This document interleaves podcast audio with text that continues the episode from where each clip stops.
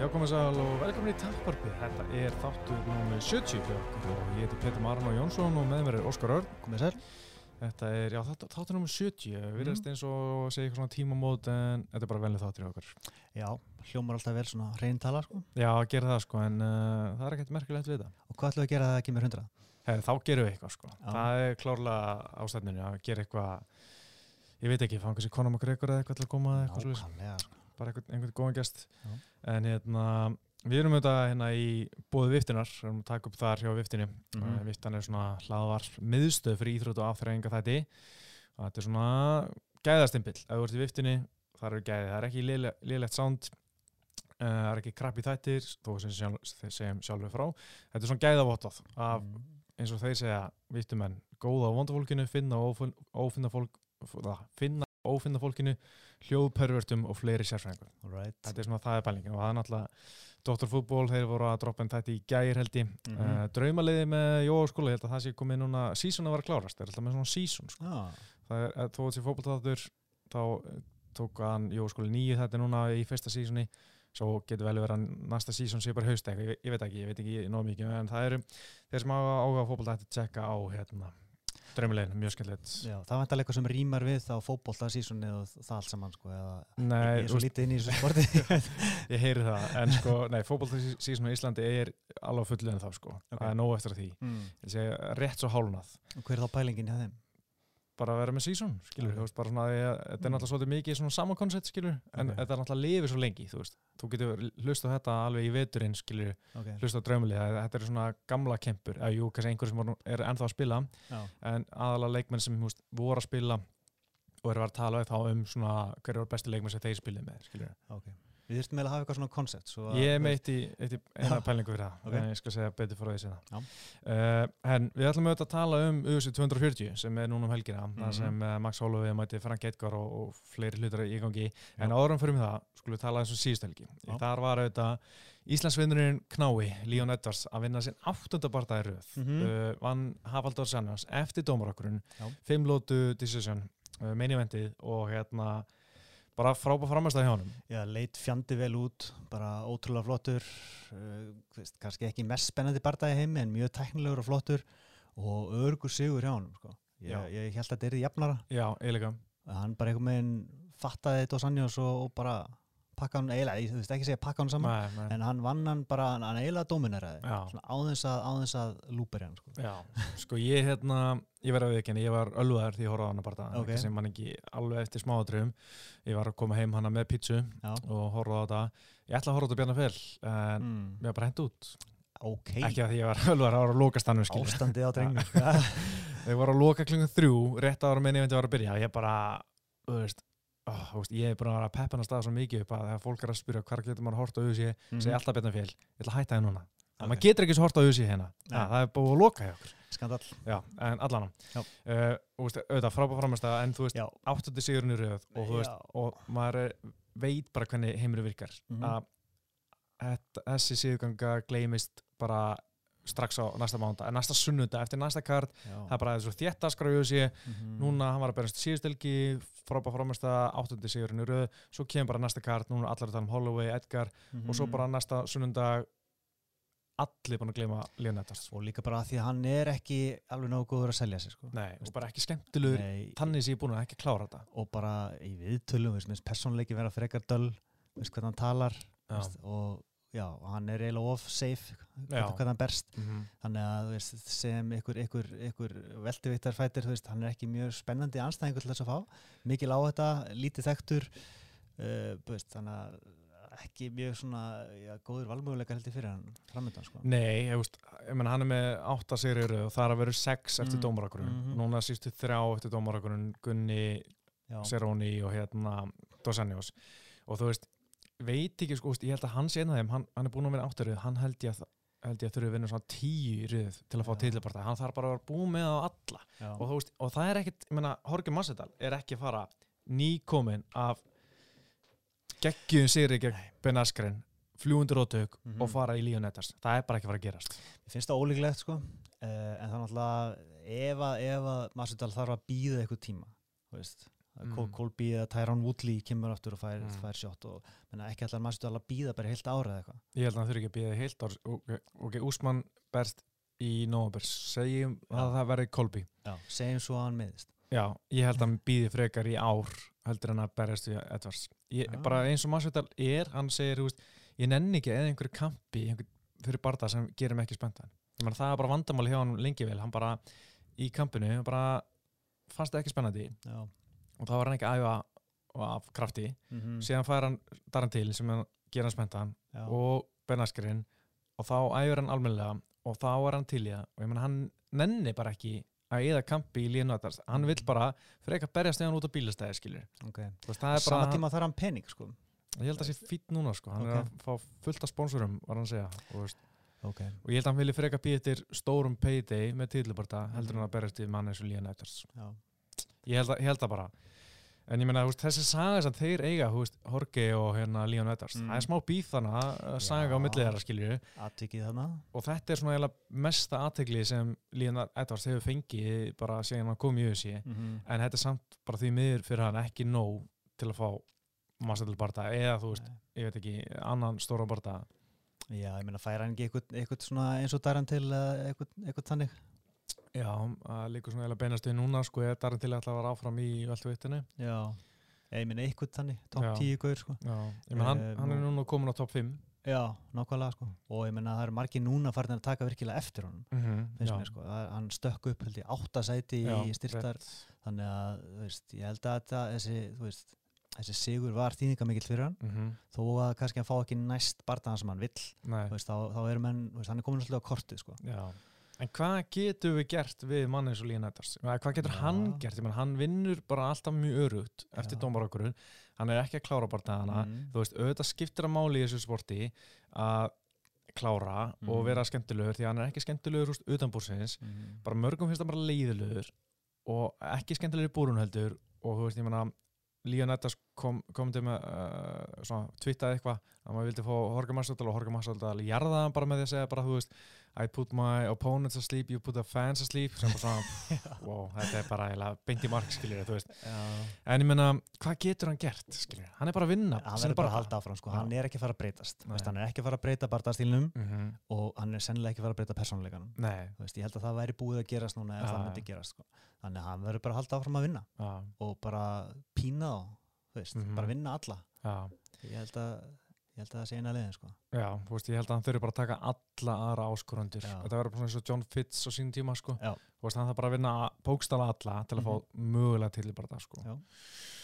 En það, sjáum hvort að það gerist, en, en hérna, hann gæti alveg verið um, fínt fyrir hann að fá Darren til. Hann, hann suður svo mikið um Darren til núna. Núna er hann svona orðin í A-side, skilu, hann er Mm. orðin ofar á sem styrkleika lista, sko. geta hann ekki fengið útlí Já, er náttúrulega, hann er, hann meittist þannig fyrir já. ekki svo langt síðan. Já, það geta, geta alveg gert sko. En, það myndi meika senn sko. já, reyndar, eitt af besta sem Edvards hefur gert var hérna, hann, sástu greina sem hann skrifaði á E ESPN nei, hann skrifaði um sko árin sína Jamaica og fyrsta árin í Birmingham. Mjög áhvert. Ok. Áhvert að heyra um bakgrunn hans frá honum sé, Mm. mm. skilur minna hann sagði bara, þú veist, ef ég hef ekki fundið Emma var ég annarkort döður í Já. fangelsi eða þú veist, bara einhver, einhver glæpamaður bara uh, smá krimmi, skilur þú veist já, og mér finnst það mjög gaman að lesa og mælum allir að gera það að hérna, finna þess að greini og ESPN, ESPN að hérna, þú veist maður þegar, veist, með þetta Horka Massadal dæmi, þú veist, þá var allir bara svona að hann, þú veist, er ekki að, við erum allir, all, alltaf að tala um að Horka Massadal, Massadal sé sem mikill, mikill uh, street thug sem uh, þú veist, komið úr slæmi aðstæðum, veist, Mhm. og Edvards alltaf, alltaf tala um að líka og maður viss aldrei hvernig, hvað var að meina en þú veist, margir vina hans voru, er- voru döðir, er, er, drep, voru drefnir skilur sín tíma í Birmingham og Jamaica og þú veist, bara í gengjum og já, hann var bara í gengi sko, já. hann var bara í mjög notorious gengi hann í Birmingham, hann var í bara svona vestakverfni í Birmingham, mm. en hérna reyf sig úr því að mammans kom honum í MMA Mm. og hérna og hann var bara strax mjög góður í þessu og fílaði þetta og hætti bara strax einhver svona, en það hann kom líka Rocky nafni, hann var alltaf til að fara í fæti sko ok, Þess að það var einhver með bíf að fór hann í, í hann skilur ok, hann og allt- ber sig ekki sem svona göttustrákur sko. Nei, nefnilega ekki. En hann kemur alveg þaðan sko. já, hann virkar svona sentilmaður og mjög svona kurtis og Kanski ekki sentilmaður en finnst sko. hann virkar svona, hann svona veist, hann er ekki með henni að stæla þannig Nei, hann er ekki með sumu stæla á massvital sko, alveg klart mál sko. en mér varst líka, bara því ég tók vital við hann í London, það varst mér mjög gaman að tala um hann, kom mjög vel fyrir þar og Mhm. ég menn, hann var ekki að droppa einhverjum bombum í, í vitalinu en bara hvernig hann svara mjög vel fyrir sig og hérna, og ég hef bara mjög gaman að hlusta á hann, var skýr og, og hérna, almennlur ja, maður hefur alveg tekið vitölu fullt af gæðin sem bara eru mjög leiðilegir, skilur maður finnir bara að það nennir sig ekki og, og að leiðilegt að maður, leið, leiðist að meðan maður tekur vitali Já. en það var ekki þannig með Edvards Ok. En já, Já, já, ég meina, mér finnst hann ekki leiðilegur að horfa sko. Mm. Mér finnst bara mjög gaman að horfa á svona færan veist, bara eitthvað með ná að slökkva á virkilega góðum anstæðingum og þannig að ég, skil ekki alveg þetta leiðilega dæmi sko. Nei, sko, ég hafði mjög gaman af þessum uh, RDA barta, mm. -hmm. Að því að ég bjóst ekki við að Edvards mundiðinni nullan svona út í glímunni, sko, ég varst það bara mjög impressiv sem, sem er náttúrulega það sem kom okkur líka óvart á móti Gunnari sko. já, já, hvað var sterkur þar sko. já, nákvæmlega sko. Og- og, en hérna það er líka svona skunni náðan tvisar niður mm náðan í fyrra skiti ekki að gera mikið í gólunu -hmm. og þú veist, þá var maður alltaf að hugsa bara dammit maður, þú veist. Ég var, mér langar að segja það aftur sko. Já, uh, það er bara ekki búið langt í það. það er, eins og með Ponsin í bjó maður maður vill alltaf fá þetta aftur já, en minna það um, uh.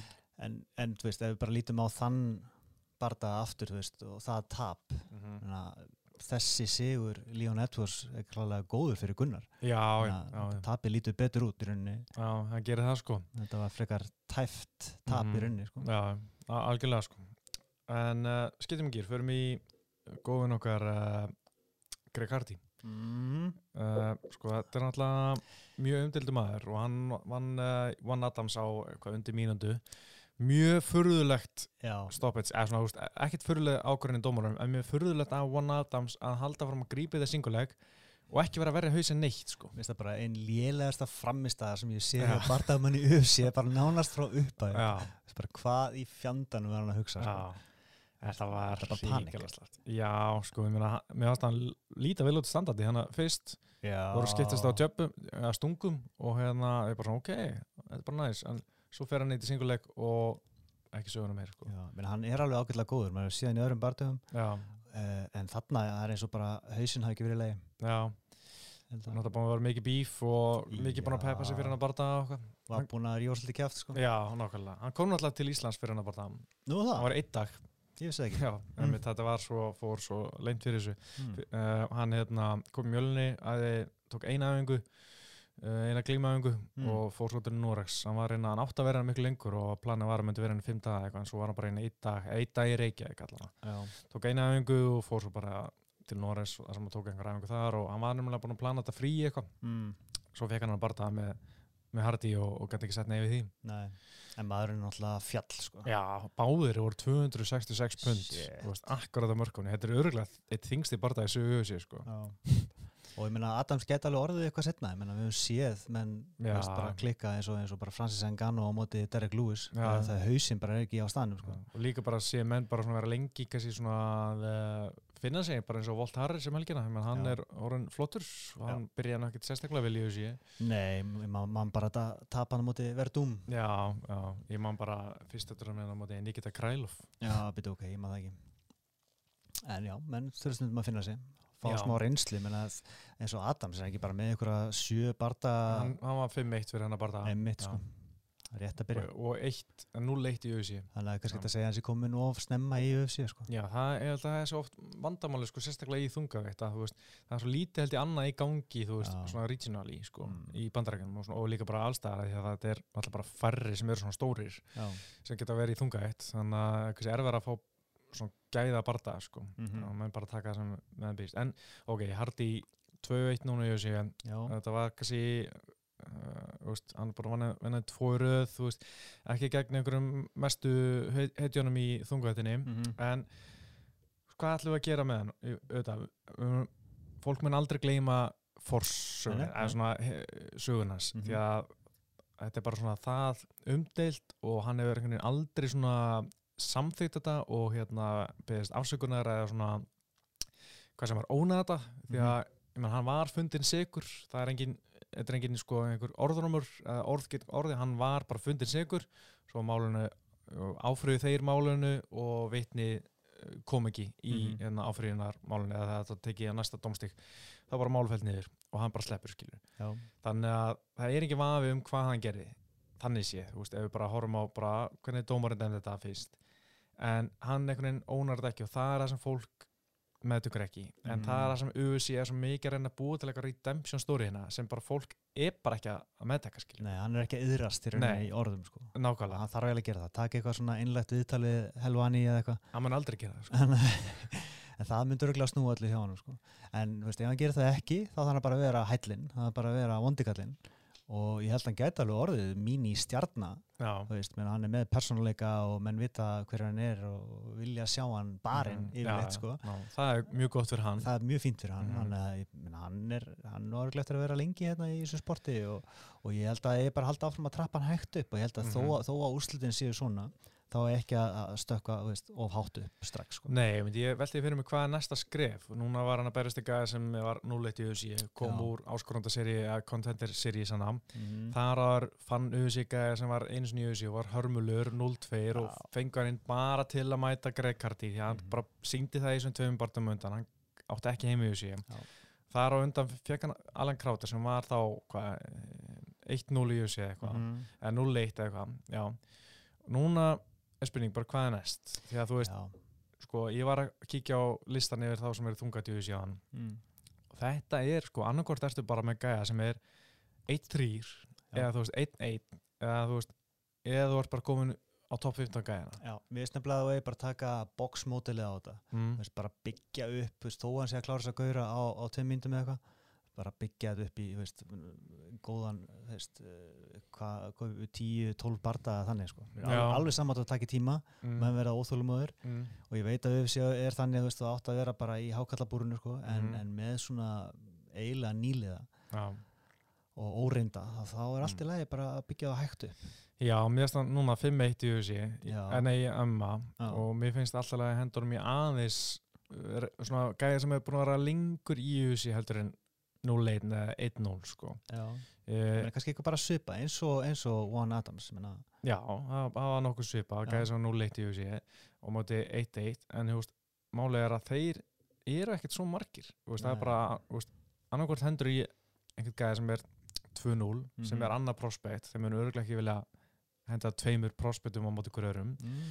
Þú veist, eða bara einhver eins og Junior Albini sem er 1-4 já, gæði með bleiuna það er bara, ég held að það sé eina sem er í stöðinu og, og, ok, til dæmis hérna Marcin Tíbora hann er sko 4-4 í þessi hann er nummið 13 á styrkleikalistan já. hann er reynslubólti, samt er hann þú veist, ekkert spes samt er hann nummið 13 skiljum, Já, já, Það er mjög þund. já það er svo stutt á milli ég hugsa bara, eitt sigur viðbúti Hardy hann er komin á top 15 held ég. Já, ég held að það skiptir ekki máli ef það er á móti einhver sem er búin með þrjá, fjóra þessi mm. þá held ég að hann fái að enda á top 15 bara með einu séri viðbútt sko.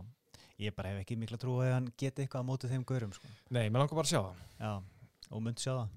Já, en, en sko sko ég veit ekki hann er orðin, hann er 32 ára held ég, eða 31 Já, ég menn, það er ungt samt í þunga Já, og sko hann er má eiga það, hann er búin að vera mjög duglur að berjast. Mm -hmm. þetta er þriðji barðana hans á þessu ári núna um helgina sko. okay. það finnst mér bara hann má eiga það, hann er búin að vera duglur Já, hann virðist hann bara gera sitt. En uh, ok, annar þungatamæður sem við erum að tala um. Mm.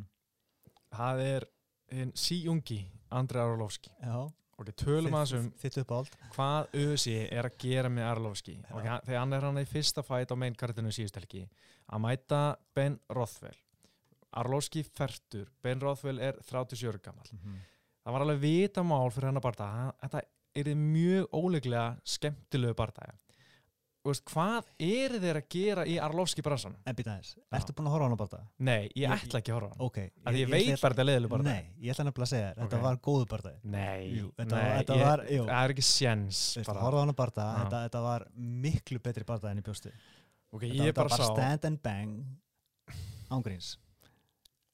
Sko, mér finnst Ben Rothwell ekki skemmtilegur Nei, mér finnst hvoru er eitthvað brálaðslega Já. skemmtilegur, og ég sá bara þetta fóru ástæðum. dómar okkur já, og ég hugsaði bara, þetta verður ekki verið skemmtilegt bara, veist, ef þetta klárast ekki í fyrsta lútu hjá svona gömlu göllum shit, það getur ekki verið gott ja, ég er að segja það er það? Já. ok, ég gefur sér séns en ángriðs, ok, Þetta Pínu, já, ég veit þú ert ég er mjög skeptiskur sko. En ok, Arlovski er færtur Mhm. hann var að vinna núna bara það hann var fyrsti sigur hann síðan ok, 2018, en ok, vá hvað hann er duglegur að berja samt, sko. En þar, fyrir hennar bara það var hann búin að tapa fjórum í röð mm mm. vann hann að tvo milli milli hérna á gegn Stefán Strú og Jónar Albíni það er hann að tapa fimm í röð veist, hann er búin að tapa sko nýju að sístu tólbartegin sín Mhm. Hann er ennþá náttúrulega nafn en er það? Já, sko, okay, hann- er það, við vitum hver hann er en er einhver bara, herðu, ú Andrei Arlovski er að berjast hérna árið 2019 ég ætla að tjekka á þessu af því að. Arlovski er að berjast Nei, ekkert endilega En þegar þú e, ert að vil telja ertu að kaupa miða út af Arlovski hvernig nafn er hann? En hann er svona smá krydd á kartið Þú ert að hugsa, ok, það eru ykkur tvö nöfnina eða tveir flotti bardaðar Mhm. efst Hvað er svo niður? Svo le- lestu, ok, byrju, að, að, að, þessi hver, ok, þessum eh, þessum stöðugu nöfnum Já, sem að er bara ágætt að setja inn á kartið. En, og ég held að fólk en það er svona svo leiðilegt að horfa á hann berjast. Já, og þú horfir á hann og hugsa bara ok, þetta var leiðileg bara daginn Eða, ég, ég veist, ekki, er ekki saman sko. Nei, sko, hann, sko það er annarkort að vera notan til að byggja upp nöfn eins og úst, Augustus Sakai var vandala og Volt Harris skilju, Tui Vasa þú veist, nota svona unga gæði að fara móti reynsluboltanum eins og bara Greg Hardy jafnvel eða eitthvað. En núna var hann að fara móti öðrum, öðrum ógeðslega gömlum brunnum kalli, Ben Rothwell. Fyrir barndan var heldur ekkit uh, hafði mætt þrísvara, allan að einu svona áður. Til- hver er tilgangurinn er með Já, þú það er sennilega slæm nótkun á, á Mhm, honum sko. og mér finnst það fýtt sem svona gatekeeper. Mm, reyndar eins og, eins og ég var að segja með þessi bardagi kom mér á óvart Mhm. uh, en það er ennþá verið að kolla hann át sko. Það var, það? það var einhver ungur gauður um daginn Háaksinn svartur sem var í Ultimate Fighter sírinu síðast mm, um, þú horfðu vantilega ekki á hana nei ég man ekki nafnið en hann eftir bardaga bara Ó, það er gauður hann úti sem ég vil berjast við hann heitir Arlovski og hérna Er hann búin að fá hana bara það? Nei, Nei. en þú veist, það er ennþá verið að nefna hann sko. Já, og, og mér finnst hann ekki alltaf leðilegur sko. Nei, ok, ok. og Sko, hann stundum, er... stundum er hann gagluður menn eins og Túi Vasa bardaginn, hann síndi okkur Mm. að Túi Vasa var ekki tilbúinn Já, já. Mm. Já, eh, sko, þá er einskvæmt að nota þetta, en mér finnst bara ríkilega leðald að horfa á mér rest. Bara, og meðan tungaveitin er svona þunn eins og mm. segja veist, þá, þá er hann bara verðmættur fyrir UFC sko. ég veit það ekki. Ég sé ekki. Ég sé ekki valið í hann, sko. Bara ennþá. Bara, horfðu á hann bara með ráðfell Já. og senda mér skilabóð ég, ég gerði það. Ef ég er ennþá vakandi, sko. Herði, ok. Uh, en það er eitt gæði sem þú varst ánað með. já, minn maður Dan Hooker og uh, ég veit þú horfður ekki allt karti en ég, ég sett vakt yfir þessu og þetta var bara decision eftir decision eftir decision mm Mhm. þangað til Dan Hooker bjargaði kvöldinu Já. með bara mega rótöki sko. Geðugur, ég er mikill aðdóndi Já, einmitt. Það, Bara- uh, við skulum bara gefa þér það. að Þú ert hérna, þú leiðir Dan Hooker vagninu í Íslandi. já, Barbosa bardaginn var klikkaður Já, hann og svo rótaði hann hann einhver, einhver brassa á endan, ég manni hvað hann heitir Hann kláraði eh, líka hérna rauðara hannakampin hana Bone Crusher ah, hver er aftur Eh, allan hann, Jöp. hann er flottur sko og hérna Ástrali, eh, ríklega gaman að þessum Ástrali. Gilbert Burns, rótaði Já, hann já. og rótaði Jim Miller. Akkurat, Martia Kesi, Martia Kesi hann, það er eh, er komið Ross Pearson líka maður þannig að hann er komið með alveg lúmst gott resumei sko. já, og hann er að fara að fá stóra barda hérna frá held ég sko. já, hann er góður sko hann alltaf, er sem bara bósa svona aðeins hæfið á hann já, James Wick náttúrulega það er svona efnilegu strákur sem að bara, já Huge, ég leit mjög stór, ætti sennilega að vera bara upp í veldu hann er að fara upp, já, hann flott, var að, var að segja það mjög gott og hann er örgulega bara að dreina sig á mikið, veit ég hvort að það sé hakan sem er að klikka eða tæknin, Mm, bara Luke já. Rockhold dæmi eitthvað sko. Já, uh, herriði, við náttúrulega töluðum, ég ég og Áskipjörgu vorum að krefja hérna auðvitað 239 hérna um daginn, já, þá töluðum þetta mikið um Luke Rockhold. Þú Mhm. hafðir enga trú á Luke Rockhold og þú hafði rétt fyrir, já. Bara vel gert. hate to say I told you so. Já, ég hafði, var blindur af uh, einhverjum vöðvum uh, Luke Rockhold í léttungveit eða eitthvað, ég bara veit ekki, ég hef alltaf verið mikill fan af Luke Rockhold, hæfileikunum þessi búrunni, þóleiki að hlusta á hann tala, en hann er með svona skillset sem ég fíla svo mikið, en Já. það er bara ekki nóg gott. hann er bara með fatal veikleika. Já, Eh, bara svona þessu tengt. Mm ég, ég er svolítið svona að ég er ekki ennþá búin að ákveða hvað mér finnst um Chris Weidmann mótið Dominic Reyes Nei, að því að Reyes er stór veist, góður, efnilegur og Vætmann er bæðið að fara upp í já. á mótir í þess, já. já, svipað og, og Rockhold Mhm, dæmi sko mhm. og ég hef meiri trú á Weidmann eins og staðin núna heldur en Rockhold já, Ok, að einhverjum ástæðum já. kannski bara því að, að Reyes leita ekkert vel út í síðasta parta Mhm.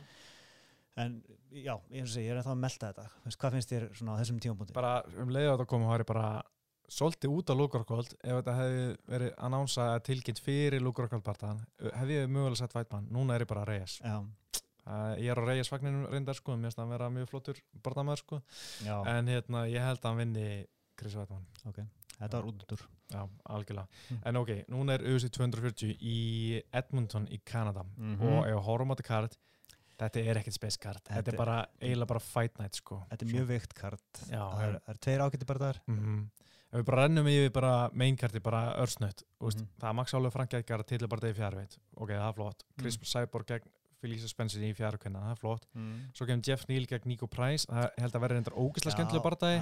En þú veist, þetta er ekki stórn upp, sko, veist, ok, það má alltaf vera svo, eitt svona bardagi sem er ekki stórn upp, Já. en þú veist, verður skemmtileg bardagi. Svo kemur Oliver Obin Mercier og Arman Sarukian. oh my god Sarukian finnst mér þetta geggjaði, sko, Mm. en hérna var ógeðslega flottur í síðasta bardagi fyrir um nánar en það eftir. En þú veist, þetta er bardagi sem er ekki svona eitthvað, þetta á mikið. þetta er prílin bara dag sko. já, og svo Mark Andri Barriot Kristof Jotko. Jotko finnst mér ekkit spes, Nei. en þetta er í millivittin. Þetta er bara svona, þetta er þrýr bardar hana fyrstu á meingarði sem er bara, æ, Jotko var svona efnilegur sínum tíma mm svo bara hefur hann sínt að hann er ekki efni í topp bardamann sko. Nei, en, en, En- sko áður fyrir að krifja barðan eitthvað sér til Já. merkjar það sem sko, því ég var að leita þetta hugsaði bara hlýtur að vera einhver eitt sem, eitt sem datt út, einhver svona Pálo Costa Jól Romero barða, Já. einhver svona flottur sem datt út en það var ekki þannig hvað, okkur ekki? Já. Mögulega hafa þeir verið með eitthvað í bíker sem bara klikkaði Já. eða þá þeir bara, þeir með drull þeir eru bara að horfa ok, Cyborg er nokkuð stór stjarnar, hún Mhm. selur Já, uh, Holloway er ekkit það stór stjarnar en samt alveg þekktur já og þeir til og svona já, ætti að duga kannski bara Já, en já, Minnst, ég reyndar hissa á að þeir settu ekki hana uh, Pantosia og Figueroa hana bardaðan flyweight. Þeir náttúrulega bara já, en- henda því alltaf að prílinn sko. Já, af hverju? Af því þetta er, eru toppgaurar, þetta eru topp fimmgaurar Það skiptir ekki máli, ég meina við höfum Og- séð number one contender fight bara á prílins á minnkart. sem meikar ekkert sens. Hverju ekki taka Jotko bardaðan Já, og setja þennan inn? Þú ég, veit ekki sko. Miklu betri, sko. hann er ekki eins og aðalprílim sko. Nei, hann er bara, bara miðin ykkur aðalprílim er Alexa Davis eða Alexis Davis Já, það er náttúrulega ekki alveg það sem við viljum sjá sko. Jésús minn sko. En ok, förum þá bara í sko uh, hérna hérna, Max Ó, Ólaug og Frank. Eikar mm. sko, sko ég hef búin að vera að rifja svolítið upp uh, Frank Eikar bara barðan að skegg greið meina þetta ég horfði á eh, þar að segja barðan 2 og 3 hjá Edgar og Maynard í ger Já. Og mikið óskapla er að með fárálegt hjarta sko. þetta er svona sko það er svona í, í fyrri barða nei ok, þetta er náttúrulega ok, þeir eru mæ- mættið fyrst hana í bara svona lightweight ekki í tillubarda uh, ég man ekki alveg hvenar svo mættist þeir í tillubarda sem er barða nr. 2 og hérna fyrri tillubarda þeirra var rematch allan og hérna dómarinn hefði svo oft getað stoppað í fyrsta lutu Mhm. og þú veist, þetta er bara svona svipa og veist, Henry Sehut og T.J. Dillasjó það var early stop- stoppage skilur Já. en maður svona fannst hann alveg sangett að maður bara horfði á nokkur sinnum þú veist, það hefði svo oft getað stoppað þetta Mhm. hjá Franki Edgar skilur, hann hefði kannski mótmælt en veist, hann var bara nokkur sinnum það sem að var eins og verið gjörsanlega átt sko. allavega eins og í þriða bardaðan það var að vera hamran hann í fyrstu lútu já, Það já, já, blóður, Mhm. vangaður og meinar alltaf stærri gaur, mjög högþungur og svo bara eitthvað meginn hangir hann og smá saman fer að reyfa sig og komin Mhm. höggum og hingurinn þreytist og já, sko, í barða nr. 2 þá var uh, var ein það voru tvær mínútur eftir að, barða, að fyrstu, fyrsta lótu Mm. þá var kílan þrissu sinnu niður hann var neðbrotin já, og maður hugsa bara, það er ekki sens að þessi gæði sem var að lifa af úst, barða, Mm. hvað þó lótuna en fáralegt, hann bara kemur tilbaka og vinnur næstu lótu tapar þriði lótu uh, og svo vinnur hann lótur fjögur og fimm. Eða fymta lótan er svona umdelt, það er alltaf það sem er deilt um en, en auðvitað enda þetta jættöflið þegar hann tapar fyrsta lótunum 10-8 mm og hérna barðaðin aftur set- settur á dagskrá á hvað nýjum mánu setna og sko í fyrirbartanu þá var Mark Henry hérna þjálfarinn hjá Frank Eikar hann var að spá í að kasta inn hanglaðinu bara þegar að vera að buffa hana. Já, en Mark, hann gerði það ekki. Og Frank Eikar sagði sko, hann var brjálar, hann komst að því að Mark Henry var að spá í því, sko. það segir svo mikið um þetta Vá. hjarta hjá Frank Eikar skilju, maður hefði 100% skilja Mhm. ef Mark Henry eða bara kasta hann hanglaðinu þú veist og bara gefið bardaðan skilju það var að gjöra svolítið buffa Frank Eikar, já. en Franki hann var brjálar, hann að Spa- kvartlar ekki að mann Nei. að það er bara, þú veist það er fárlegt, auðvitað sko. Og ég meina, svo er setni tillibardaðin hann, þriði bardaðin og hversu erfitt alltaf að það, þú ert búin að tapa fyrir gæjanum einu sinni. Mhm. í setni bardaðinu var, varstu lamin í klessu og veist, þú varst neðbrotin, kildi niður þriðsvar að keira sig upp andla í þriðja bardag gegnum þessum mann Mhm. og veist, ég held að svo margir hefur bara þú veist, að nei, ég ætla að þú veist, uh, taka bardaði þennan eða þú veist, eitthvað svona Tito Ortiz moment eitthvað, þú veist, reynda að koma sér út úr þessu bardaði eitthvað. Já, hann var mistarinn þá eða ekki? Jú, Franki, já, já, já, einmitt, það geta satt nei sko. já, en hann bara, ok Usi vill þetta já, auðvitað, úst, maður skilur hann, hann samþykir þetta bara verður eiginlega að gera það, Mm. þannig sé svona upp á, svona, fá, missi ekki uh, svona áleitt Mm. annara skilur, en að bara andlega peppa sig fyrir hennar barða að vera ekki bara skítrættur við svona mann, skilur, það er bara örgulega mjög svona skerið tilöksun að fara í svona barða, sko hann er ekki mennskur sko. nei, en, og ég menna í þriða barðanum þú veist, hann var kildur þrisasunni niður í fyrstu lótu aftur. Já, það var eitthvað hnið líka hana þú veist, Já. svo vinnur hann lótu 2 og 3 og fjóru lótu rótarna já. En þetta er orðið ansi langt síðan. Mm -hmm. og svona spurningin er, þú veist, hvað á hann mikið eftir núna 37 ára, já, já, veist, það er ekki það langt síðan að vara að buffa Jair Rodríguez. Nei, en, en samt finnst mann eins og hann sé, þú veist, hann er, hann er ekki sami barndamaður á var nei en mér langar ennþá að tala um Já. hann meira sko. það, ég var svo mikið að horfa á þetta bara, þetta var svo klikkað, þetta var svo mikið sko, svo mikið rocky moment bara þú veist, Mhm. að ég vona svo einnilega að eftir svona 30, 40, 50 ár mun einhver gera bíómyndu Edgar já, bara út af þessum barnum, veist, þetta er ruggla, sko, þú veist, Mhm. bara þetta, þessi egg- endurkoma og hérna, ég vona að þetta verði velgert og þú veist, að því að ef þetta verður gert eftir fimm ár verður þetta bara umleitt og að muna allar eftir þessu, Mhm. en eftir kannski 50 ár þegar fólk er búin að gleyma þessu og fólk kannski er ekkert að spá í þessu, kannski verður emma, þú veist, bara ekki, ekki einn stórt, kannski verður miklu starra, ég veit það ekki, Mhm. eftir 50 ár og þú veist, að rifja upp þessa sögu, sko, ég held að það verði mjög áhugavert Mhm. að, að sjá það á kvítatjaldinu þetta er ein besta trilógian mm -hmm. í bara MMA algjörlega og bara magna Franki skildi að tekja það ég er kannski aldrei verið mikill Franki maður Mm. mm. úst, auðvitað finnst mér að með frábært hjarta og allt það en úst, í öllum þessum tillibartum svona, þú veist, að- í setni tíða er þetta bara svona æ, æ Franki skilju, maður gefur hann Já. ekki það mikið senn skilju, en þú veist ok, þetta closure, sant, þú veist, hann klár rótar hann í fjórluti, það er bara svona þetta er búið, mm. þetta, þessi trílógia er búin, bara takk fyrir Greimennart, núna er ég búin að klára þetta, þú já, veist stimpill uh, mér langar líka aðeins að velta fyrir mig hvað Grey Maynard gerir. Spáum við þess þetta en hann ok, er maður. já, sko, ok, þetta er enn eitt tækifæri hjá Frank Edgar sko. og þú veist, hann tapaði náttúrulega létt þetta titlunum til Ben Henderson, mm Mhm. fekk síðan rematch. Og, og veist, eh, eftir hann tapaði titlunum hefur hann fengið þrjá tillabarta þetta, þetta er fjórði tillabarta síðan hann tapaði beltinu. Já, og engi síður auðvitað. Og þetta er svona Júra Faber dæmi sko. já, hann er bara nafn. Mm og ég meina það er annar gaur sem á þetta skili meira í rauninni Já, og bara veit ekki hver hann er þannig að það fær ekki tækifærið Alexander Volkanovski. Volkanovski, já en um, pff, meina, þetta er, þetta er brjálæðislegt tækifæri fyrir hann bara Mhm. upp á legacyði sko. Já, já. hvað, hvað myndi þetta þýða fyrir hann hann er bara einn af allra bestu í sögunni sko. hann tekur beltið frá Holloway Já, og er mistari tvísvar í tveimur já, já.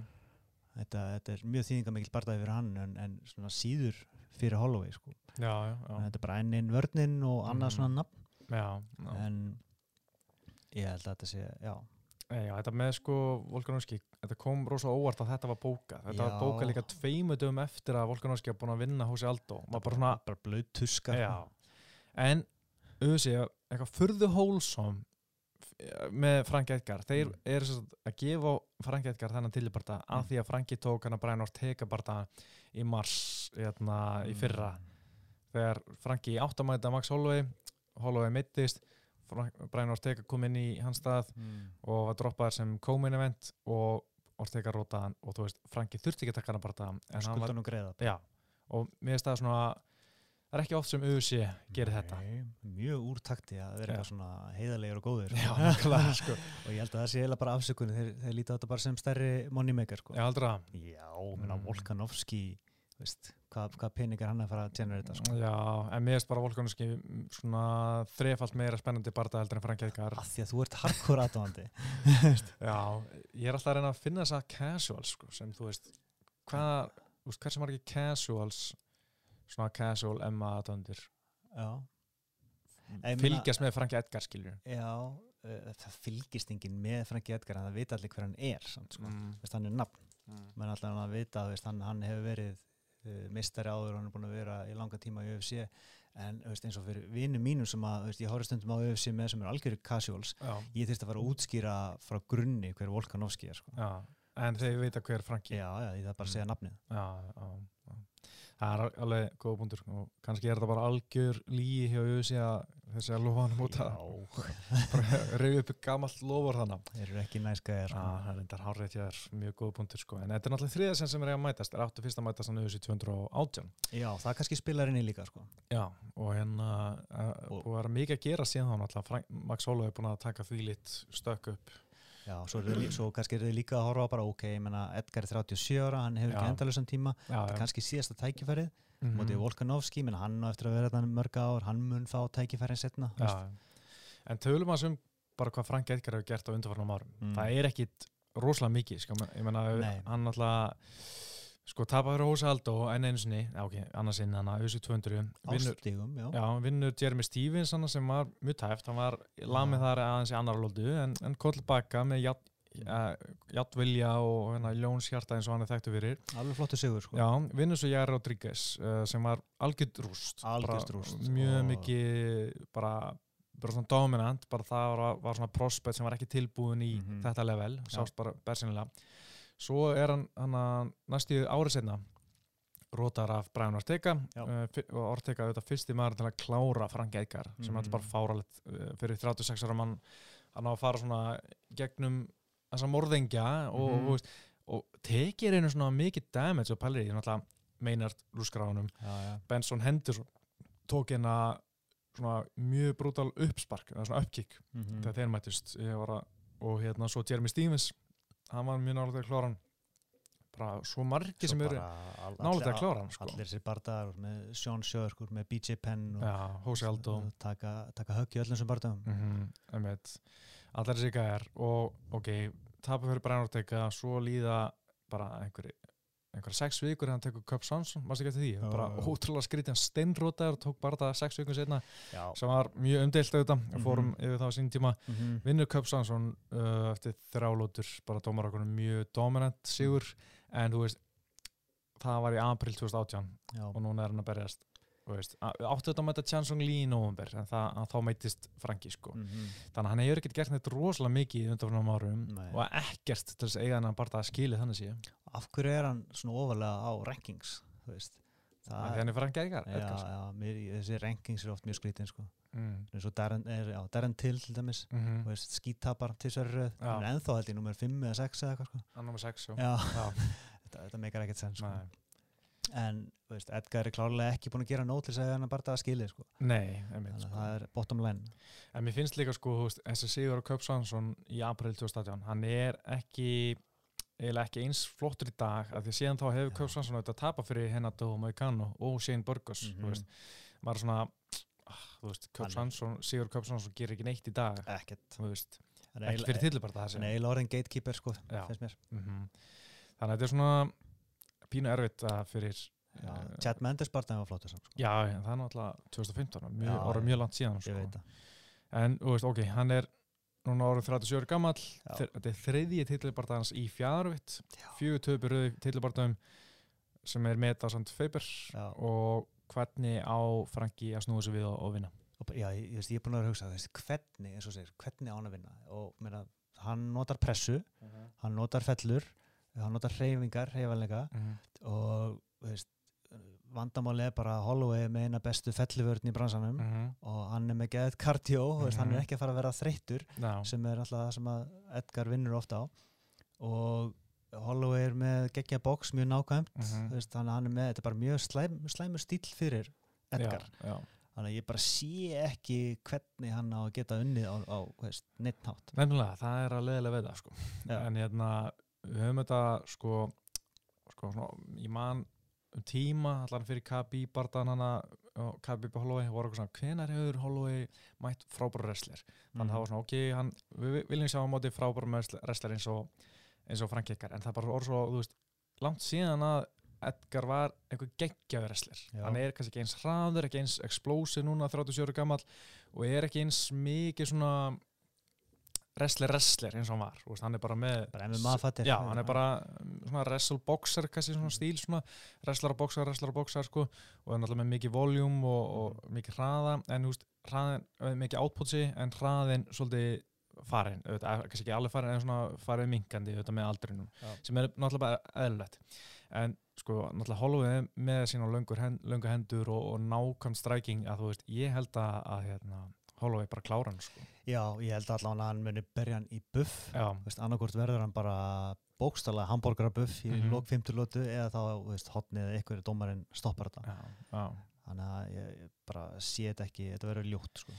Já, en sko eitt reyndar tölum að sem Holloway sem ég hef ágraf er niðurskurinn við höfum náttúrulega, sko, hann náttúrulega skeita á sig, höfum bara einu sem skeita á sig í niðurskurinn, það Mm. var fyrir í léttut með 11 dag fyrirvara Já, það er ekki hægt að tala um það eða sko, en ekki. það er samt sko, hann er það stór hann á ekki í léttvikt með 8 dag fyrirvara mm. og við vitum að köttið í fjárveitt er mjög erfitt fyrir hann Já. hann er búinn að taka núna eitt barða í léttvikt þú veist, hann bætti ekkit á sig miklu vöðamassa fyrir þann barða Mhm. sem sást kannski en nú bara velti fyrir mig, hvena kemur að því að hann bara getur ekki skorið meira niður í, í fjárveitana. Ég hef pín ágjörð að því fyrir karti, nú var að taka upp á, á 50 degi, Mhm. 50 dags morgni og ég held smá að, að ég mun allan að fylgjast grant með á morgun okay. til að sjá hvort það ná víkt og hvort Já. hann líka gera það vel, kannski mun hann ég, veist, ég held að ein breytan fyrir sem getur hjálpað Franki er að hérna Holloway verið eitthvað svona dreinar eftir kötti og hérna mm og verið bara gas eftir aðrlótu en við heldum að líka í Brannórs teikabarðanum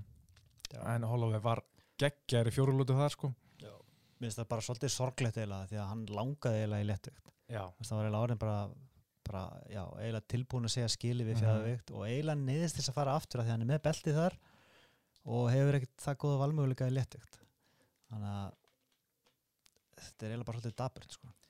það er ekki sem máli að hérna að kannski er hann svona vant ekki smá motivation hjá hann að Já. hérna að skera niður og koma sér niður í fjárvægt sem er erfitt -hmm. þegar hann villir í verið léttvitt og ég held að alltaf ef hann unn, hefði unni Dustin Poirier, það hafði hann bara beila á fjárvægtinni því að þú veist, það er svo erfitt fyrir meistara á færð, skilur uh, meistara tekjur Mhm. og fara sér bara í vennulan barða í léttvitt auðvitað er miklu starra nafn heldur hver annar í léttvitt að flestir í léttvitt en hann hefði samt ekki verið með meistara klausu í samlengunum Nei. og hann hefði bara, það hefði bara ekki verið sniðut tekilega að segja skilur Mhm. að bara fara sem reynir ekki veist, bara láta beltaði hendi og bara fara beint upp í léttvitt sko. það er bara mjög erfitt bara punktur að, sleppa beltið sko. Já, fyrir þetta það náttúrulega þannig að, já Já. En Nei. sko ertu búin að horfa á hana Poirier bara, mannstu vel eftir hann já, ég mannum vel eftir Já, sko, það er, ég var að horfa á hana aftur í gær og bara, þú veist, þessi haka á Holloway, Hann er ég skil ekki hvernig hann gat, hann var svona næstu í droppaði einu sinni, en annars bara stóð hann af sér bara högg eftir högg eftir högg sem ég fannst bara að vera að hita, smelt hita, sko. já, og það er eh, frekar stutt síðan sá bardagi var Já, hann var bara í 13. 13. april. já, Já. hann mér finnst eða að hann hefði þurft meiri tíma sko. Já, að ég er svona að spáði hvort að það geti haft áhrif á hann núna mm -hmm. en, en allan að andlega verist hann vera í toppstandi Já, mjög svona, er ekki miklar ágjur af þessu allan í embedded og því allir Mm, en það er spurning hvort það líkamlega í 100% sko. já, já. Er þetta kannski, hérna, veist, líka, hann var enda 13 barða síðugöngu sína. já, hún kláraðist hann með Poirier tapinu já, þannig að kannski svona sjálfströsti aðeins minna. Já. um, er ekki bara Frank Geikar að fara að taka þetta? Nei Nei. Það sem er klikkaðast í þessu öllu saman er að, að Max Holloway er 27 ára what the fuck? Hann er búið með 21 barða í húsi. Og ég held bara að það er- það er ekki séns að hann er að fara að berjast til 37 sko. Nei, nei, ég held að hann heimitt hætti snemma sko. Ég, held að, ég held smá sko að hann það verður svona hratt fall í honum þegar, hann hann 30 eða eitthvað og ég er svona farin að, ég veit ekki hvort það sé bara hvernig hann talar, mér finnst eins og hann sé aðeins farin að slurra, mm, mér finnst það alltaf reynda að vera frekar óskýr sko. gæti verið, gæti Já. verið en, en maður, maður svona farin að hlusta eftir því Já, ég skilji já. En sko ég þetta vill helst sjá Holloway fara bara í, í hérna léttvíkt já. sko, en uh, ég er mjög spenntur að sjá hvernig hann mun líti út á viktinni núna á, á morgun eða fyrstæðin, Mhm. það geti verið eitthvað já, ég held bara um leið og hann tapar þessu beltið þá fer hann upp Já, já, það geti verið sko. En ok, þín svona final spá já, ég var að segja TKO í fjörðalótu Holloway Ég held að vera eitthvað svo Ég ætla að segja TKO í Ok. Holloway Mhm. en þetta verið býring já, beatdown uh, Ok, næsti bara það er Chris Cyborg gegn Felicia Spencer Já. Það var ekkert minna beating held ég Það bara tekur steytir tíma Já, og uh, Spencer er merkilega svona örug með sig sko. Uh, Virðist ekki að mikla ákjæraði, hún ætla bara að vinna Cyborg og, og eigna sér deildin eins og hún sagði í Embedded. Já, en um, ég held að við höfum aðrar, aðra skoðun á þessu. Já, bara flestir í heiminum held ég bara. Flestir í heiminum, Já. ég býst við að, Cyborg muni bara gera sem hún gerir. Já, ég meina Spencer kemur inn í UFC hún er 1-0 í Já. og hún tók Míkan Andersson hún var, fram að því var hann fjara öftamestari einvíkt, hann vann Mhm. beltið eitthvað einu sinni að, nei, já, vann en á veikan titil. fó- var svo beint bara sænu við UFC tók Míkan Andersson í fyrstróldi söbbana sem kom mjög óvart meina, við vorum að tala um Míkan Andersson sem eitthvað mögulega cyborg uh, áskorunda en, en hún er bara skiti á sig hún er bara bara ofmætt á Anderson held ég, frekar Já. en eh, hitt sko. kannski, en, en ég held að hún sé svona einn mestu vombri uh, sem ég hef séð, bara kvennalega í UFC, Mhm. af konunum bara ég hafði mikla væntingar rauninni sko. Á þess að það sé mikið að henni bara ég var að vonast þetta einhver stórri konu sem er alvöru fjæðir auðvitað fætir í hvenna megin Hún er með, með, hún er með lúkið eitthvað með hún er, hún er ramman í þetta skilur Já, hún er ekki banta þetta kona sem er í fjæðir hún er fjæðir auðvitað kona mhm, bara er ekki nógu góð. Nei. Það er eitthvað sem vantar hann en kannski ég mun snúa þessu við. Allan Spencer ha, svona náða hingja hann í fyrsta lótu og hún er verðlunnið með því að fá að berja eftir Cyborg. Svolítið fljótt, svolítið já, fljótt. þetta er svolítið fljótt sko. Kannski af því að það er engin annar í þingdarflokknum einmitt. Og þetta er náttúrulega kannski barðan gegn Andersson ég er náttúrulega ekkert séð mikið af henni. Ég man ekki allan eftir að sé mikið úr innvikta hjá henni en mér var strækinga hennar ekki samfærið í fyrstu 30 sekundunum sem þetta var þar. Þannig að ég á ekki vona því að þetta verði skemmtilegt kvöld fyrir Spencer. Nei, ég meina eina eini möguleikin hennar er rauninni glíman Já, og veist, það er bara, höfum við ykkur að trúa að hún nái Cyborg niður sko. það er eiginlega bara málið, sko. ég menna þetta er ekkert gengið rosalega vel hjá glímu stelpum gegn. Cyborg, sko. ekki mjög vel, nei Og ég menna ég get alveg séð fyrir mig að þetta enda svona svipað eins og bara Greg Hardy, þú veist, og Spencer er eitthvað að reyna að fara í eitthvað svona singuleik og hún Mhm. bara svona hamarsög í hausinn eitthvað þannig, sko, bara svona, bara eftir, sko, svona 90 sekundur.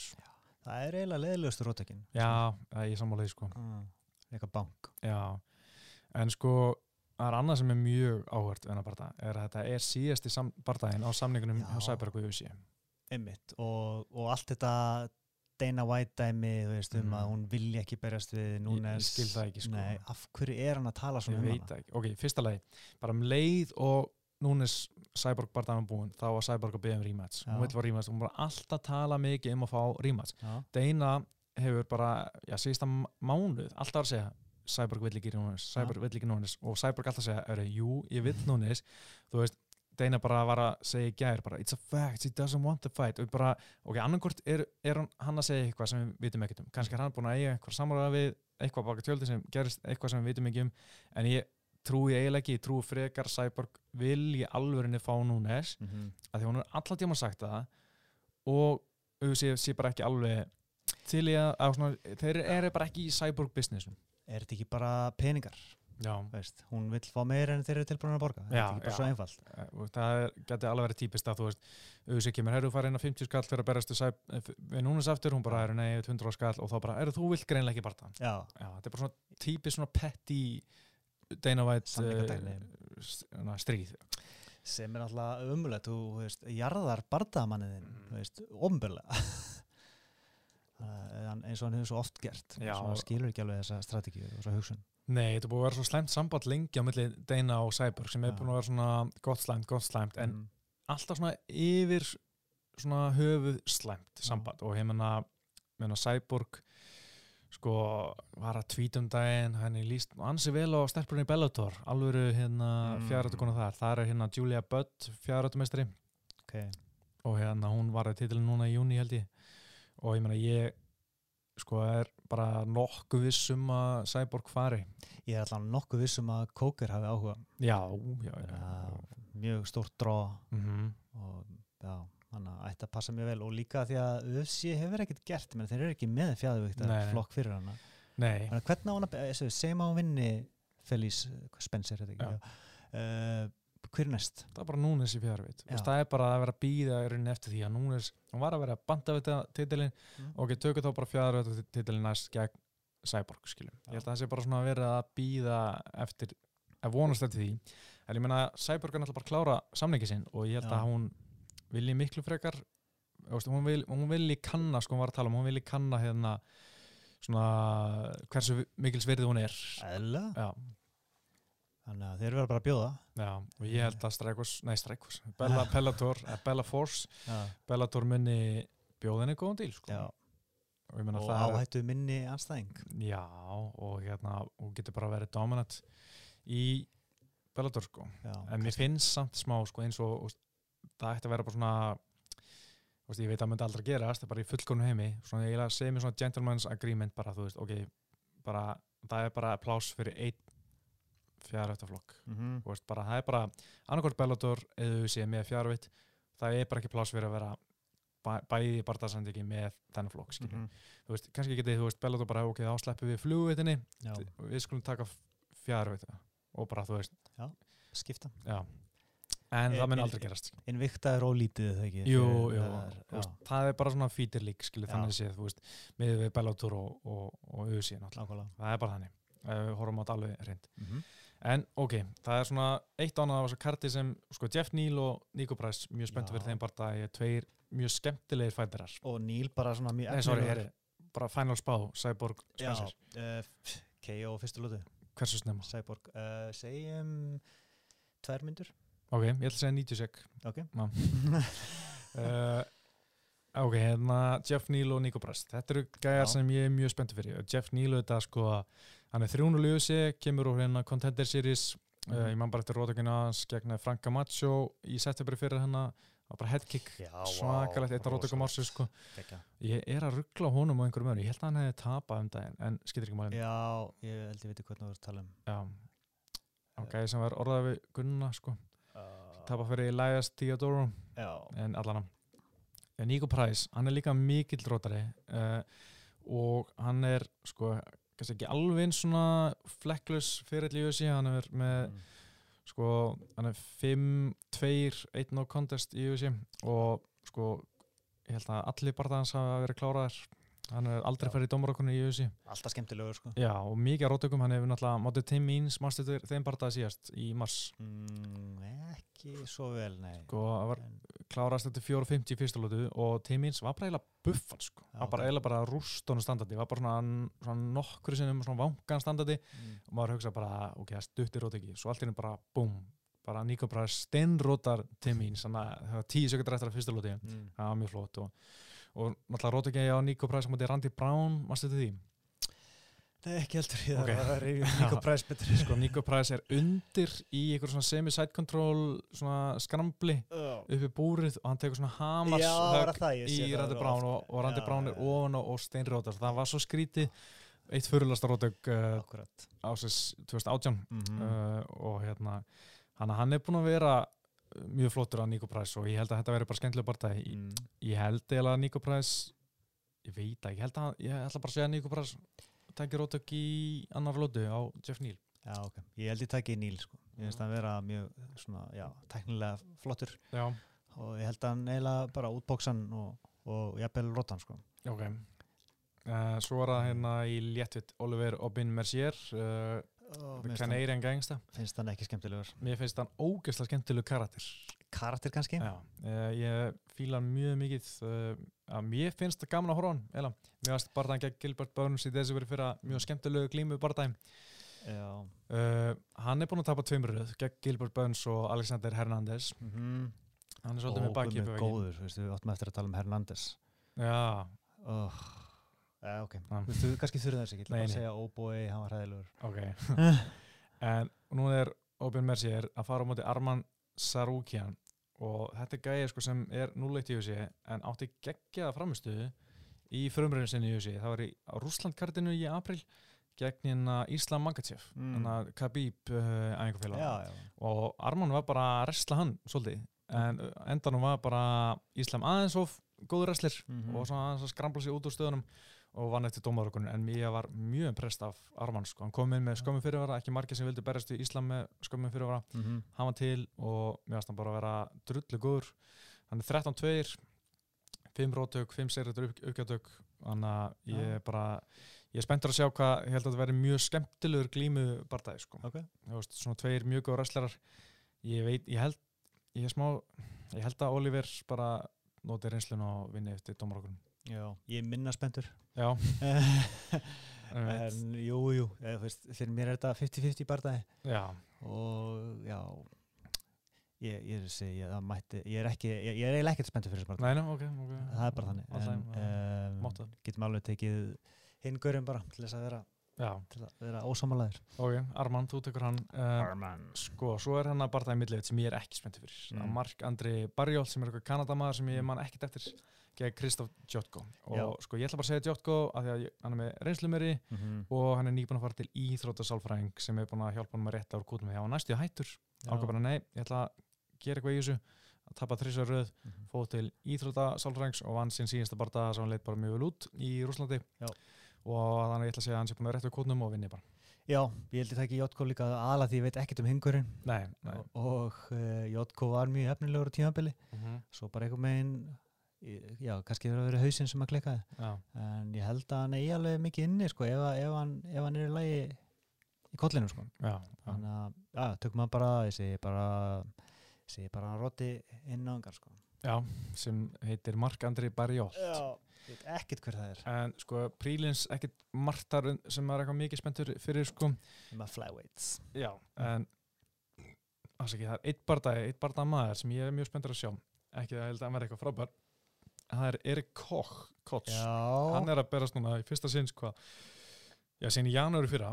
Mástu, hann var svaka prospect já, hann alltaf mjög skemmtilegur sko. Já, vann hérna einhver fjóra barða röð þar af uh, tvo í UC og tvo í WC svo var hann alltaf steinrótur á móti Ríkard og Lamas. Ei, hann, það var eitt, eitt ljótasta rótök sem Já, bara séð olbúar í Já. sko. og síðan bara eitthvað það bara tveimur röð vinnur Rafael og Olivera tapar síðan og vinnur og tapar núna tveimur röð. Bara síðast í janúar 2018 þar á undan í júni 2017 Mhm. og búin að taka sér nokkra pásu tók hérna tveggjara pásu mellir 2014 og 2016 vildi bara leifa sér að hann var búin að róta svolítið ofta eitthvað. Mhm. en núna er hann koma aftur. Hann er samt bara þrítur sko. Já, ok, ég var samt eiginlega bara búin að afskrifa hann. Já, einmitt. Ég svona, hef ekki miklar uh, væntingar til hans en ég menn hann er komin líka upp í veldivikt ok, á hann móti var hverjum er náttúrulega í hann? fjæðurvitt uh, Kyle Stewart sem er ekki svartugur uh, Nei, og störglegur Darren Stewart. Darren, já, hann er hann er svartur, já, hann er millivitt Kyle Þetta er svona ég veit ekki alveg hver Kyle Stewart er sko, en, en hérna mér finnst það óvart sko, að sjá að mann koma tilbaka í veldivitt Mm. eftir svona langa fjárveru og búin að líta berjast hann var náttúrulega geðveitt efnilegur Mhm. eða svona mjög spennandi, var, var einna aðal æfingafölum Antonin Pettis, kemur hérna hjá Two Grufus og fölum, En- verður þetta nýtt upphaf já, ég held ekki ég held að það veri bara hans í búin sko. Já. við segjum eins og er en uh, eitthvað annað sem við vilt tala um í Emma heiminum? Uh, bara kannski aftur að sem ég var að minnast á hann ég, þú horfður ekki kartið um daginn. Mhm. það var þarna Trinaldo veist, hann er góður í, Mhm. í veldivikt og Alexander Hernández. Og Hernández var alltaf mjög efnilegu gaur. Mm -hmm. uh, tapaði illa fyrir Cerrone. Varst, hann, bara, hann, hann var of aggressífur og Cerrone counteraði hann bara og, og sparkaði skrokkin á hann í, í drasl og, og bara barði hann illa og svo kom, kemur hann tilbaka núna og hann er bara annar fætir. Hann, hann, Mm. hann hljóp eða allan barðan mm, uh, gerði ekki raskat. Nei. Og einhvern megin náði hann að vinna svona heima dóma ákvörð, dómara ákvörðun. mm, okay. og þessum var bara röng með Trinaldo vann. Og ég bara er spáði hvort að Hernández sé bara búinn sko, hvort það sé andlega bara Já, ok. ónýtur sko. kannski var þetta smá bara svona sjálfströst búst sem hann þurfti? E, já en þetta, já, hann, hann tapaði þessum bara ok, ok, ok. En uh, er eitt reyndar sem ég langar að ræða hennar lokin. Ok. Það er bara það sem við er talað um að sé í bígerð. já, Það er Damian Maia og Ben Askren. mjög já, Þetta er mjög spennandi að sjá, sko, bara mig langar að sjá bara hvernig þetta mun spilast, sko. já, við alltaf fengið áður svona eins og Jake Shields mútið Damien Maia Já, já. Veist, en, en það er oft með svona, með tvo svona glímus sérfræðinga, Mhm. þá verður þetta bara eitthvað svona liðlegur bóksbardagi Ég held nefnilega að vera ekki þannig, ég held Nei. að áður séu ófeimni við að Wrestla, sko. já, og Askren, minna, hann, hann bara lappa beint áfram og tekur þið niður það er, eina sem hann gerir Já, þannig að, já, þetta verður já. En það er þetta að vera að tala um að þetta verði í óttúber þegar sko hann, hann er náttúrulega í svona, hvað sem var, no contact uh, fram í, eftir rótaki hann Askarinn, fram í september sko. Þannig að það uh, verða vantalega í óttúber eitthvað svolítið. Hva, hvað heldur við að fáum að sjá? Ég held að, ég held að Askarinn vinni, en ég hef haft, held ég allt og miklu trú Askarinn með rekordið hinga til sko. Já, Ég held að hann bara ná að svona top heavy game og Mm. hérna hingur ofan á Damian Maia í þrálótur forðast submissions Já, og hann tekur hann bara niður og nær svona rætan svolítið, sko. Já, mér er svolítið ofalega í huga að vídeo sem að var á netinu af Askren að glíma við Marcelo Það Garcia mjög langt síðan. það er mjög langt síðan Mhm, reyndar Já, Það. Marcelo náttúrulega klikkar Já, en hann, Marcelo var að höndla hann já, hann bara pakka hann saman. Já, Já. þannig að vegna er að hugsa bara góður YouTube player Mhm. hvort, að hann, hvort það sé ekki bara stílinn á móti Askren sko. Já, mér langar allavega mjög mikið að sjá þetta. Já. Og ég vonar innilega að þetta gerist og verði bara glímu bardagi. mm Og eins bara svona mikil glíma og hægt er. og vonandi bara fimmlótur sko. Nei, kannski ekki alveg. Ég held um þetta að maður sé ekki með kardio í fimmlótur, sko. Ég held að geta alveg glímt í fimmlótur sko. Já, ég veit það ekki, ég veit það ekki. Ég vil alltaf að sjá það bara þrjálótur, skemmtilegt, bara ekki, ekki main event, bara ekki svona, svona miðju peipriúi og hérna, sjá maður bara glíma í 15 mínútur. Já, Ég var til í það. algjörlega en var ekki hvað Jordan Burroughs hann pakkaði saman Jú, en, en hann, hann er ekki ennþá hann er ekki alveg á, á veist, eins góður hann var í ég held líka bara að það séu levels to this game, sko, algjörlega. þú veist, bara, bara þú sér bara, veist, sko, Ben Askren myndur örugglega pakka Colby Condor saman í pjúra wrestling matchi, sem Mhm. það bara, en svo er Jordan Borras að pakka, þú veist, Ben Askren saman, skilur, og Colby Condor pakka saman, þú veist, fullt af góðum wrestlerum sem er í USA, skilur, þú veist, bara í pjúra wrestling matchi, skilur, og þú veist, þetta er bara svona, Þetta Jordan er Borras er bara besti, ég held að segja bara besti glímari í heimi í dag, sko, Mhm. það Er er svona besti wrestler, sko. Já, heldur hann sé á leiðinni í MMA Veit ekki, hann var eitthvað að tala um það, sko. En Kyle Snyder var líka eitthvað að tala um það, en, en með, svona saman með veist, Mm. margir svona að tala um það, sko, en kannski ge- gera ekkert neitt í því. Það er samt auðveldra fyrir wrestlerina. Já. Heldur að boksarana, því að þeir eru ekki með eins svona stóran grundvöll til að keppa, eða til að fá penning, sko, eins stórar uppæður eins og í boksunum, sko. En að maður skilur alveg frekar svona okkur wrestlerina eru líklegri til þess að fara í MMA heldur um einhverju stóru boksarar. En hér já, þetta verður spennandi að Já. sjá hvað gerist með Ben Askren og Demi Mann. sem, sem er eitt en bara Ok, okay, er, er bara alveg blálogin Ertu að horfa á Contender Series hana? Ég gera það svona þegar ég mann eftir en ég er ekki að horfa á í bytni, ég er svona að tjekka á þessu hvað ég er að borða eða eitthvað. Já, og við erum átt gaman að þessu núna Já, mér finnst það gaman. Mér finnst gaman að vita ekki neitt um gæðina. þetta. Það var engar væntingar. Já, Það er bara eins og þegar maður horfa, horfa á auðvitað í fyrsta sinn, eða svona fyrstu árin, mm og þegar maður horfa, horfa hérna Ultimate Fighter. já Þú og þetta er svo miklu betra format sko. Já, ég veit það, þetta er bara allt annað sko. Allt annað, þannig að ég er bara mjög reyðin Já, uh, það var að segja þetta gott. Ég heiti Pítur, Óskar, þakkum áðurna og við erum sér